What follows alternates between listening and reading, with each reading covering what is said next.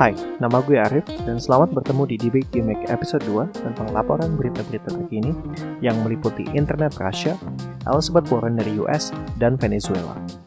Materi dikumpulkan oleh Sulistianisi dan dianalisis oleh Arvinara Hernawan.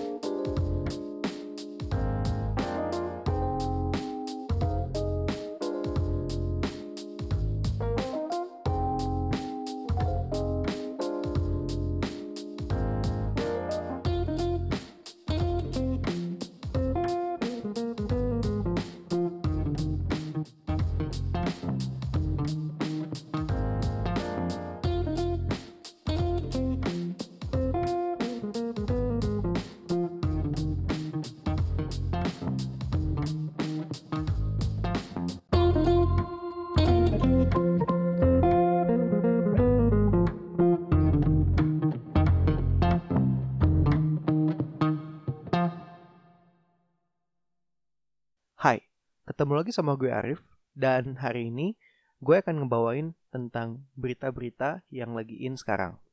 Nah, gue akan ngebawain berita tentang teknologi, gue akan ngebawain berita tentang politik, yang apa sih yang terjadi sekarang. Dan setelahnya gue akan analisis beberapa dari berita ini dari perspektif gue sebagai debaters. Oke, berita pertama yang gue mau bawain adalah teknologi. Rusia menarik diri dari internet dunia. Ini berita dari bbc.com pemerintah Rusia akan melakukan uji coba mencabut negara tersebut dari internet dunia. Pengujian ini diperkirakan akan terjadi sebelum tanggal 1 April. Tes atau uji coba ini adalah aksi terbaru untuk melindungi diri sendiri dari serangan cyber agresif saat terjadi krisis, seperti ketika perang. Namun, percobaan ini memiliki pro dan kontra sendiri. Uji coba ini dikhawatirkan akan berujung pada pembatasan dan kontrol ketat internet, seperti yang dilakukan pemerintah China dengan membangun Great Firewall dan mensensor berbagai hal. Menarik diri dari internet dapat dilakukan, walaupun mekanismenya cukup sulit. Rusia sebenarnya tidak ingin memutus hubungan dengan internet dengan negara lain. Rusia berusaha memelihara layanan internet ini di dalam negeri, tetapi menutup akses atau akses dari luar. Nah, pertanyaan selanjutnya adalah seberapa efektif sih uji coba ini? Menciptakan batasan buatan di sekitar sebuah negara pada skala yang sangat besar tidak akan berjalan mulus dan para pengamat memperkirakan terdapat banyak masalah dalam uji coba ini. Menurutku, itu juga benar sih. Dalam perspektif Rusia yang dalam tanda kutip komunis dan tidak ingin intervensi dari luar yang begitu banyak, yang mereka inginkan adalah memblokir intervensi yang tidak diinginkan dan membuat rakyatnya jadi tidak percaya pada pemerintahan Putin. Nah, di sini kalau kita paralelkan dengan China, Xi Jinping telah melakukan ini dengan menggunakan Great Firewall dia. Nah, Great Firewall ini apa sih? Pertama, Great Firewall ini memblokir situs-situs terkenal seperti Google, Facebook, um, Twitter, dan banyak um, terutama tentang social media yang diblokir untuk memblokir intervensi um, informasi dari luar yang tidak akan menguntungkan pemerintah Cina. Nah, kenapa sih rakyatnya bisa oke-oke aja dengan blokiran ini? Kalau kita di Indonesia kan pasti kayak teriak-teriak kan. Kalau nggak bisa ngakses Facebook, nggak bisa ngakses Instagram, nanti connect ke orang gimana? Nah, pertanyaannya itu udah dikerjakan sama um, pemerintah Cina itu sendiri. Nah, korporasi-korporasi besar seperti um, Alibaba dan lain-lain telah membuat akses dan Baidu dan telah membuat akses untuk mengkoneksikan eh, rakyat-rakyat China supaya mereka nggak kudet at least di negaranya sendiri. Maka dari itu kita sering dengar namanya WeChat, Baidu. Nah, yang kayak gitu-gitu adalah um, sosial medianya uh, rakyat Cina untuk mengkoneksikan diri mereka ke orang-orang yang lain. Nah, di sini mereka nggak ngerasa kalau uh, mereka butuh koneksi dari luar, misalkan at least mereka udah punya koneksi ini untuk mengkoneksikan semua rakyat China. Nah, di sini pemerintah Cina ingin menggunakan si platform-platform media ini agar mereka bisa dikontrol oleh pemerintah Cina itu sendiri. Kenapa sih mereka melakukan ini? Karena um, informasi yang didapat dari luar negeri tidak bisa dikontrol secara signifikan oleh negara negara-negara yang menerima informasi tersebut. Contohnya misalkan Indonesia mungkin bisa ya ngeblokir banyak hal kayak ngeblokir Vimeo, kayak ngeblokir Reddit, kayak ngeblokir banyak hal. Ya, IndiHome kan ngeblokir segala hal ya, walaupun IndiHome sendiri terkadang diklasifikasikan sebagai virus sama antivirus-antivirus yang analisis web. Nah, di situ IndiHome sendiri mencoba memblokir akses yang tidak diinginkan karena itu berkonflik dengan ideologi Pancasila atau ideologi Indonesia itu sendiri. Nah, Cina juga memiliki perspektif yang sama, ingin memblokir konten konten-konten luar negeri karena berketerbelakang dengan ideologi mereka yang sosialis dan ingin memperkuat otonomi uh, negaranya sendiri dan tidak ingin dikritik secara besar karena Xi Jinping uh, kalau kalian baca berita telah menghilangkan um, sistem pemilihan presiden berikutnya. Jadi Xi Jinping bisa memimpin um, sampai dia meninggal dalam artian. Nah, di sini itu adalah salah satu um, trait uh, negara komunis yang biasa dilakukan untuk mereka mengkonsolidasi kekuatan. Banyak negara yang melakukan hal tersebut seperti um, di Afrika misalkan beberapa um, bagian dari uh, negaranya itu juga mencoba uh, melakukan hal tersebut, hal yang sama supaya konsolidasi kekuatan dan konsolidasi parlemennya cukup kuat. Jadi dia bisa mengontrol um, plan ke depannya, dia bisa mengontrol isi parlemen orang-orang yang dia percaya doang, misalkan dan lain-lain. Nah, nggak um, ngomongin negara Cina doang, tapi informasi yang dikeluarkan oleh negara-negara yang lain itu juga penting sebenarnya kan buat dianalisis sama eh, rakyat-rakyat yang lain untuk membuka informasi dan yang membuat rakyat-rakyatnya itu nggak buta dalam uh, membandingkan negara gue seperti apa dan negara orang lain seperti apa. Jadi membuka akses demokrasi ke um, sekitarnya misalkan. Nah di sini apa yang Rusia lakukan adalah um, kita nggak akan mau informasi itu datang. Kayak menurut gue prinsipnya akan sama. Kayak Cina melakukan ini untuk mengkonsolidasi kekuatannya. Putin juga kan sama kan? Putin udah berapa tahun sih jadi presiden? Nah di sini yang Putin ini lakukan adalah mengkonsolidasi kekuatannya lebih kuat. Karena uh, dia nggak mau aja lengser dari Rusia dan um, menurut gue parlemen Rusia juga ingin tidak digantikan oleh um, apa tidak tidak digantikan oleh uh, pemuda-pemudi yang ada di Rusia lagi. Karena ya kalau nature-nya adalah kalau kamu makin kuat dan kamu punya ke, punya kekuatan yang tidak terbatas kamu akan memiliki itu selamanya nggak sih? Nah di sini informasi itu penting banget nggak sih buat anak-anak muda karena yang anak-anak muda akan lakukan adalah membandingkan apakah informasi ini benar atau tidak dan apakah pemerintah gue dibandingin sama negara yang lain itu um, perlu perbaikan nggak. Nah, informasi ini gunanya adalah check and balance. Jadi pemuda-pemudi di Rusia bisa mendengarkan atau bisa membandingkan banyak berita yang datang dari luar dan dia akan membandingkannya lagi dengan kenapa sih negara gue separah ini? Kenapa apa sih yang bisa kita perbaiki di negara gue misalkan? Nah di sini kalau misalnya informasinya diblok otomatis orang-orang tidak akan bisa membandingkan kalau negara gue itu jelek. Karena informasi yang didapat hanya satu arah. One way cuma dari pemerintah Rusia yang biasanya kalau misalkan media di dalam Rusia ya otomatis bisa dikontrol dengan kuat sama pemerintah Rusia benar gak sih? Nah kenapa dari itu kita tuh sering banget ngobrolin North Korea dan kenapa mereka tuh nggak bisa orang-orang itu kayak di brain di brainwash gitu nggak sih? Kayak mereka nggak bisa tahu apa yang terjadi di luar. Survivor dari North Korea bilang kalau semua informasi itu diblokir mereka nggak bisa tahu kejadian apa yang terjadi di negara lain di kota lain. Mereka even nggak tahu kalau misalnya pekerjaan mereka itu itu tidak rewarding. Yang sebenarnya mereka itu kayak um, budak, tapi budak yang tidak dibayar. Dibayarnya hanya dengan pujian dan kalau misalnya mencintai pemimpin mereka, mereka kan ditekankan kepada eh, sistem keagamaan ateisme, cuman yang mengedepankan kalau pemimpin mereka itu dalam tanda kutip Tuhan. Kan itu kan ada istilah namanya Judaisme. Judaisme itu adalah kepemimpinan seseorang di North Korea. Kalau di sekarang berarti kan Kim Jong Un. Nah, Kim Jong Un ini di refer atau dilihat oleh semua orang sebagai Tuhan. Pemimpin kita adalah seseorang yang harus kita banggakan. Maka dari itu banyak ikonnya yang di North Korea dan banyak banget orang orang-orang yang berpikir kalau Kim Jong Un itu harus di lindungi padahal sebenarnya Kim Jong Un adalah alasan kenapa mereka hidupnya separah ini misalkan. Nah, itu dari Rusia. Ngobrolin tentang teknologi, Senator United States uh, namanya Elizabeth Warren ingin mempreteli Google dan Facebook bila terpilih menjadi presiden. Nah, Elizabeth Warren itu akan mencalonkan diri jadi presiden di 2020. Kontender 2020 uh, election di US itu lumayan banyak. Ada Elizabeth Warren, Joe Biden. Joe Biden itu adalah um, wakil presidennya Barack Obama zaman dulu.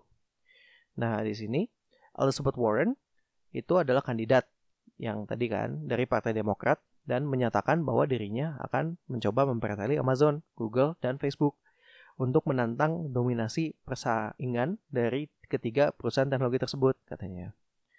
Warren menulis di akun halaman pribadinya kayak alasan ingin memecah belah Facebook, Google sama Amazon, katanya ketiga perusahaan teknologi ini udah terlalu memonopoli, udah memiliki terlalu banyak kekuatan di bidang ekonomi di sampai bidang demokrasi United States. Nah, isu tersebut diangkat karena yang sebagai contoh Facebook itu yang kemarin ada isu Cambridge Analytica di mana Facebook menjual um, data-data usernya ke third party namanya Cambridge Analytica dan Cambridge Analytica menjualnya kepada um, koalisi Donald Trump supaya dan juga Rusia dari supaya um, voter base-nya itu bisa digeser dari voternya Hillary Clinton ke voternya Donald Trump dengan cara um, iklan-iklan yang ditarget kepada warga-warga US supaya um, mereka tuh secara tidak sadar memilih Donald Trump dan itu terjadi. Maka dari itu Google kena banyak sanksi dari um, Supreme Court kemarin. Nah, Elizabeth Warren menganggap ketiga perusahaan ini karena terlalu udah monopoli, maka dari itu menghentikan ketiga perusahaan besar ini bertujuan untuk membentuk aturan yang menguntungkan negara dan menghentikan lajur ekonomi mereka untuk membeli setiap pesaing yang potensial. Nah, kalau ngobrolin Amazon, Amazon kan dipegang sama Jeff Bezos. Nah, Amazon ini zaman dulunya itu kan toko buku doang. Cuman sekarang udah nge-expand ke um, beberapa hal yang lain misalkan pembelajaran-pembelajaran supermarket misalnya. Kalau kalian di US, kalian pasti tahu yang namanya Amazon Prime Now. Nah, Prime Now ini kayak uh, akses instan cepat yang instan cepat kayak banyak banget. Nah, akses instan dalam tanda kutip yang kalau misalkan kalian nih order um, barang-barang supermarket dari rumah nih kayak tinggal tekan-tekan aja, terus pencet buy, terus kalian bayar. Dua jam kemudian pasti udah ada yang ngirim ke lu. Jadi kayak lu nggak usah keluar untuk belanja karena uh, basically akan ada orang yang ngirimin ke lu. Nah, kalau lu harus subscribe ke sana, um, harganya tuh sekitar 169 dolar kalau gue nggak salah. Nah, di sini um, berarti dominasinya udah mulai kuat kan. Nah, dari situ dia mengakuisisi banyak apa? Banyak um, supermarket supermarket yang kita harus walk in, misalkan kayak Walmart yang kayak gitu-gitu. Dan juga kalau misalkan kalian mencoba iklan di Amazon terus kalian pembuat um, let's say kalian membuat sesuatu yang original dan new terus kalian coba ngejual di Amazon Amazon tuh bisa dengan tidak ngasih tahu kalian, mengopi ide kalian dan membuat um, produksi-produksi barang yang kalian buat itu di perusahaan mereka terus dijual secara primer oleh Amazon. Nah, di situ tuh itu terjadi ke beberapa perusahaan. Nah, di sini karena Amazon itu adalah monopoli dan mereka bisa dalam tanda kutip undercutting their opponents. Nah, dari sini um, Elizabeth Warren tuh pengen me crackdown terus kayak uh, memotong apa namanya um, perusahaan-perusahaan ini supaya mereka tidak memonopoli. Walaupun gue nggak tahu caranya tuh gimana sih. Nah dari sini skandal-skandal ini dia pengen uh, bersihkan. Nah nanti uh, kalian bisa cari kenapa sih si Elizabeth Warren ini bisa let's say punya kekuatan segitu besarnya ingin meng-crackdown ketiga ini saat dia jadi presiden apa sih goal-goalnya? Nah, menurut gue um, di kompetisi debat berikutnya bakal ada diskusi-diskusi yang banyak tentang 2020 election itu harus mendukung siapa gitu. Karena 2020 election kan dikit lagi Donald Trump menurut gue potensi dia kepilih udah lumayan kecil karena skandal-skandal yang terjadi karena dia memaksa diri melakukan national emergency untuk membuat um, benteng membuat wall dia untuk memblokir imigran yang butuh 5,8 triliun dolar US sementara Kongres yang semuanya isinya Demokrat nggak mau um, nge-approve apa yang Trump mau. Nah di sini juga rakyat juga udah mulai skeptis ke Donald Trump. Even Republican people juga udah nggak percaya sama Donald Trump. Nah di sini berarti ada diskusi siapa sih yang harus di-elect. Karena kalau kalian Google itu banyak banget sih si orang yang mau apply. Nah menurut gue harus menurut gue kayak um, ada pentingnya buat kalian fokus kepada um, 2020 election. Kayak menurut gue kalau politik bakal dibawa ke sana. Oke, okay, um, berita berikutnya tentang Venezuela. Nah, di sini um, penasihat keamanan Trump berharap Presiden Maduro mengungsi dari Venezuela katanya. Um, Presiden Keamanan Nasional Presiden Donald Trump berharap Presiden Venezuela Nicolas Maduro mengungsi jauh dari Venezuela dan tinggal di kawasan pantai katanya. Udah udah lu pindah aja, nggak usah mengonsolidasi kekuatan, nggak usah coba-coba um, mendapatkan hati rakyatnya kembali karena udah nggak mungkin katanya gitu. Nah momentum ini berada di pihak Hang Guaido, ketua DPR yang mengangkat diri sebagai presiden sementara Venezuela sebagai interim presiden dan emang udah di approve sama presiden Kolombia sama presiden US juga Donald Trump udah bilang kalau um, Hang Guaido itu adalah interim presidennya Venezuela. Nah di sini um, Maduro berarti kekuatannya udah direndahkan sama komunitas internasional kan.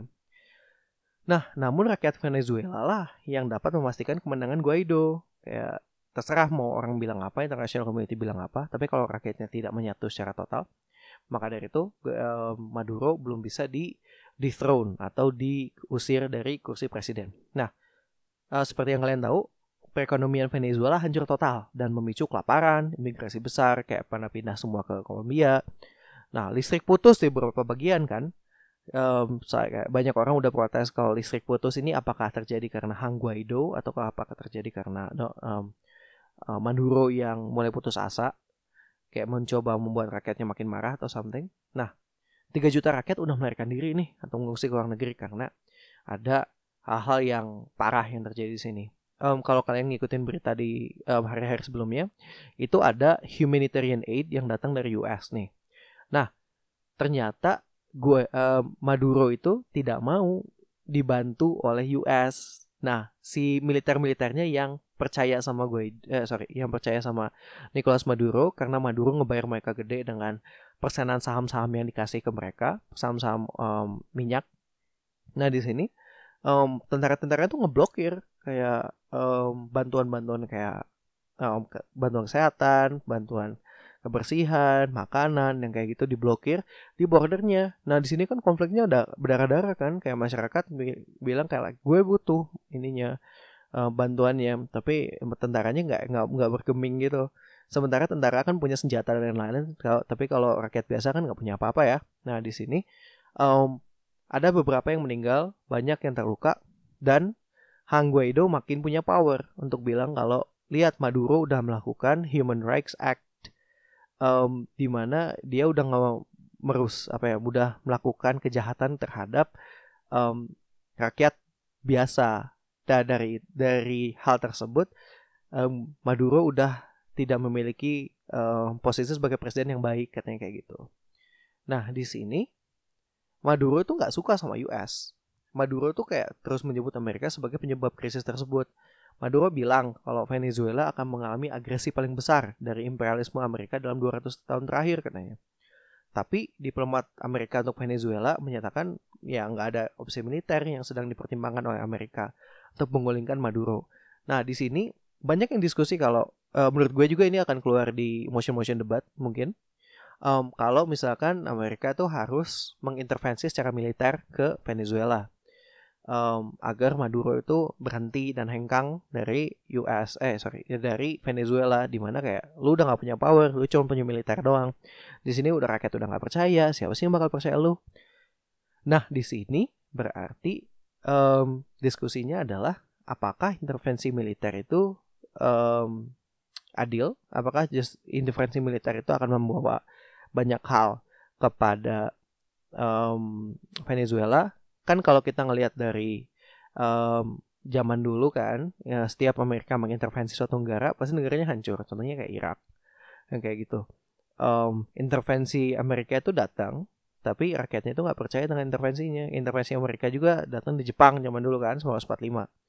Nah, um, ketidakpercayaan masyarakat terhadap apa yang terjadi ke apa namanya terjadi ke negara-negara yang lain membuat uh, rakyat US juga skeptis kayak kalau misalnya diintervensi emang akan membawa kebaikan atau enggak menurut gue ini akan keluar di motion motion um, debat di Indonesia dan gue yakin ini bakal jadi motion yang bagus untuk uh, Venezuela.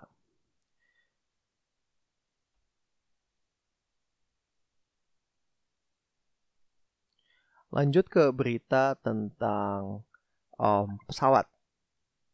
Nah di pesawat, uh, dalam berita pesawat adalah um, ada nih kecelakaan di Ethiopia yang kemarin kan, um, apa namanya, um, pesawat-pesawat Boeing itu kan meledaknya di Ethiopia waktu pesawat nomor ET372 tujuan Nairobi itu jatuh di tenggara ibu kota Ethiopia yang um, itu digawangi oleh Ethiopian Airlines yang ngebawa 157 penumpang dan nggak ada yang selamat dan semuanya meninggal dalam kecelakaan tersebut.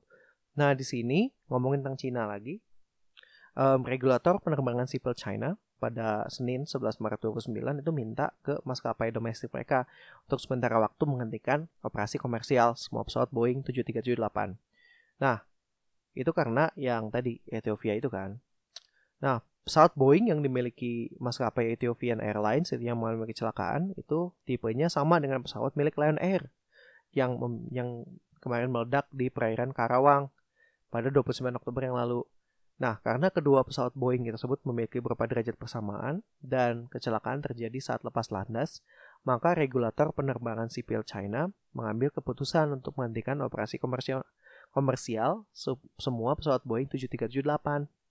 Katanya pihak regulator mengatakan bahwa mereka akan mengambil langkah yang sesuai dengan prinsip penerbangan mereka dan tidak memberikan toleransi apa pun bagi bahaya keselamatan. Nah, menurut gue kayak problem-problem pesawat ini udah mulai um, makin parah gak sih? Um, di Indonesia yang MH370 kemarin di Malaysia itu pencetus dari diskusi tentang apakah pesawat itu harus diinspeksi lebih ketat lagi, apakah airlines itu harganya harus dinaikin lagi supaya pesawatnya kualitasnya lebih bagus dan keamanannya lebih tinggi, apakah um, pesawat Boeing ini harus diintervensi dan harus dievaluasi ulang apakah mereka um, tidak memberikan kualitas instrumentasi um, pesawat yang lebih baik dan kayak gitu-gitu.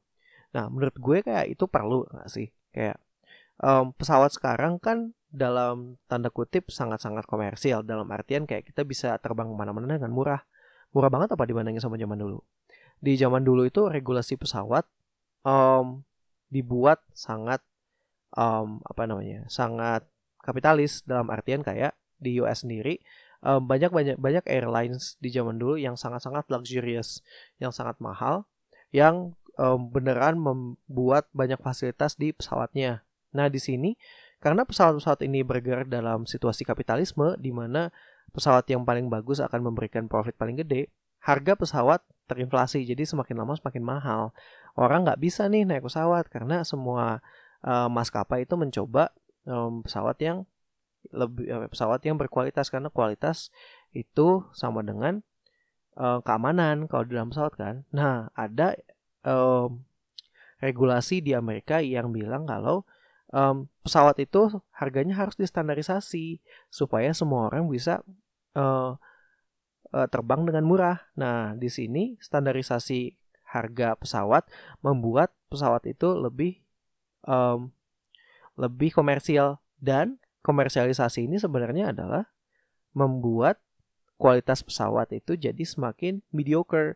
Jadi pesawatnya itu dibuat semakin gede, semakin banyak penumpangnya karena yang penting adalah kuantitas bukan kualitas. Tapi di sini kualitas engine-nya, kualitas keselamatannya juga jadi lebih berkurang. Maka dari itu kan parah ya kalau um, pesawat meledak dalam artian kayak banyak banget um, casualties yang akan terjadi dibandingin sama kecelakaan mobil, kecelakaan motor yang mungkin nggak sebanyak itu si korbannya. Nah dari sini ada diskusi apabila haruskah kita menaikkan harga pesawat, haruskah kita mengembalikan sistem um, airline itu menjadi sistem kapitalisme seperti zaman dulu, semakin mahal semakin baik, atau apa yang harus kita lakukan di sini. Nah pemerintah Cina itu lebih memilih untuk stop aja dulu si penerbangan memakai Boeing supaya kita lebih aman dalam uh, mengatur permasalahan dalam penerbangan tersebut. Ini adalah akhir dari episode 2 Debate Gimmick tentang laporan berita terkini.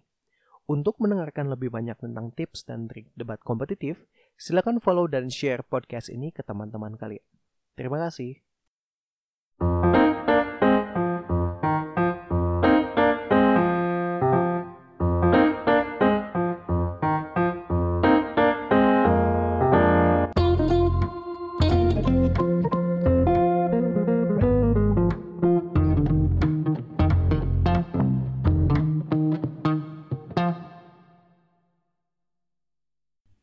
Yang digunakan di intro debate gimmicks diproduksi oleh bensound.com.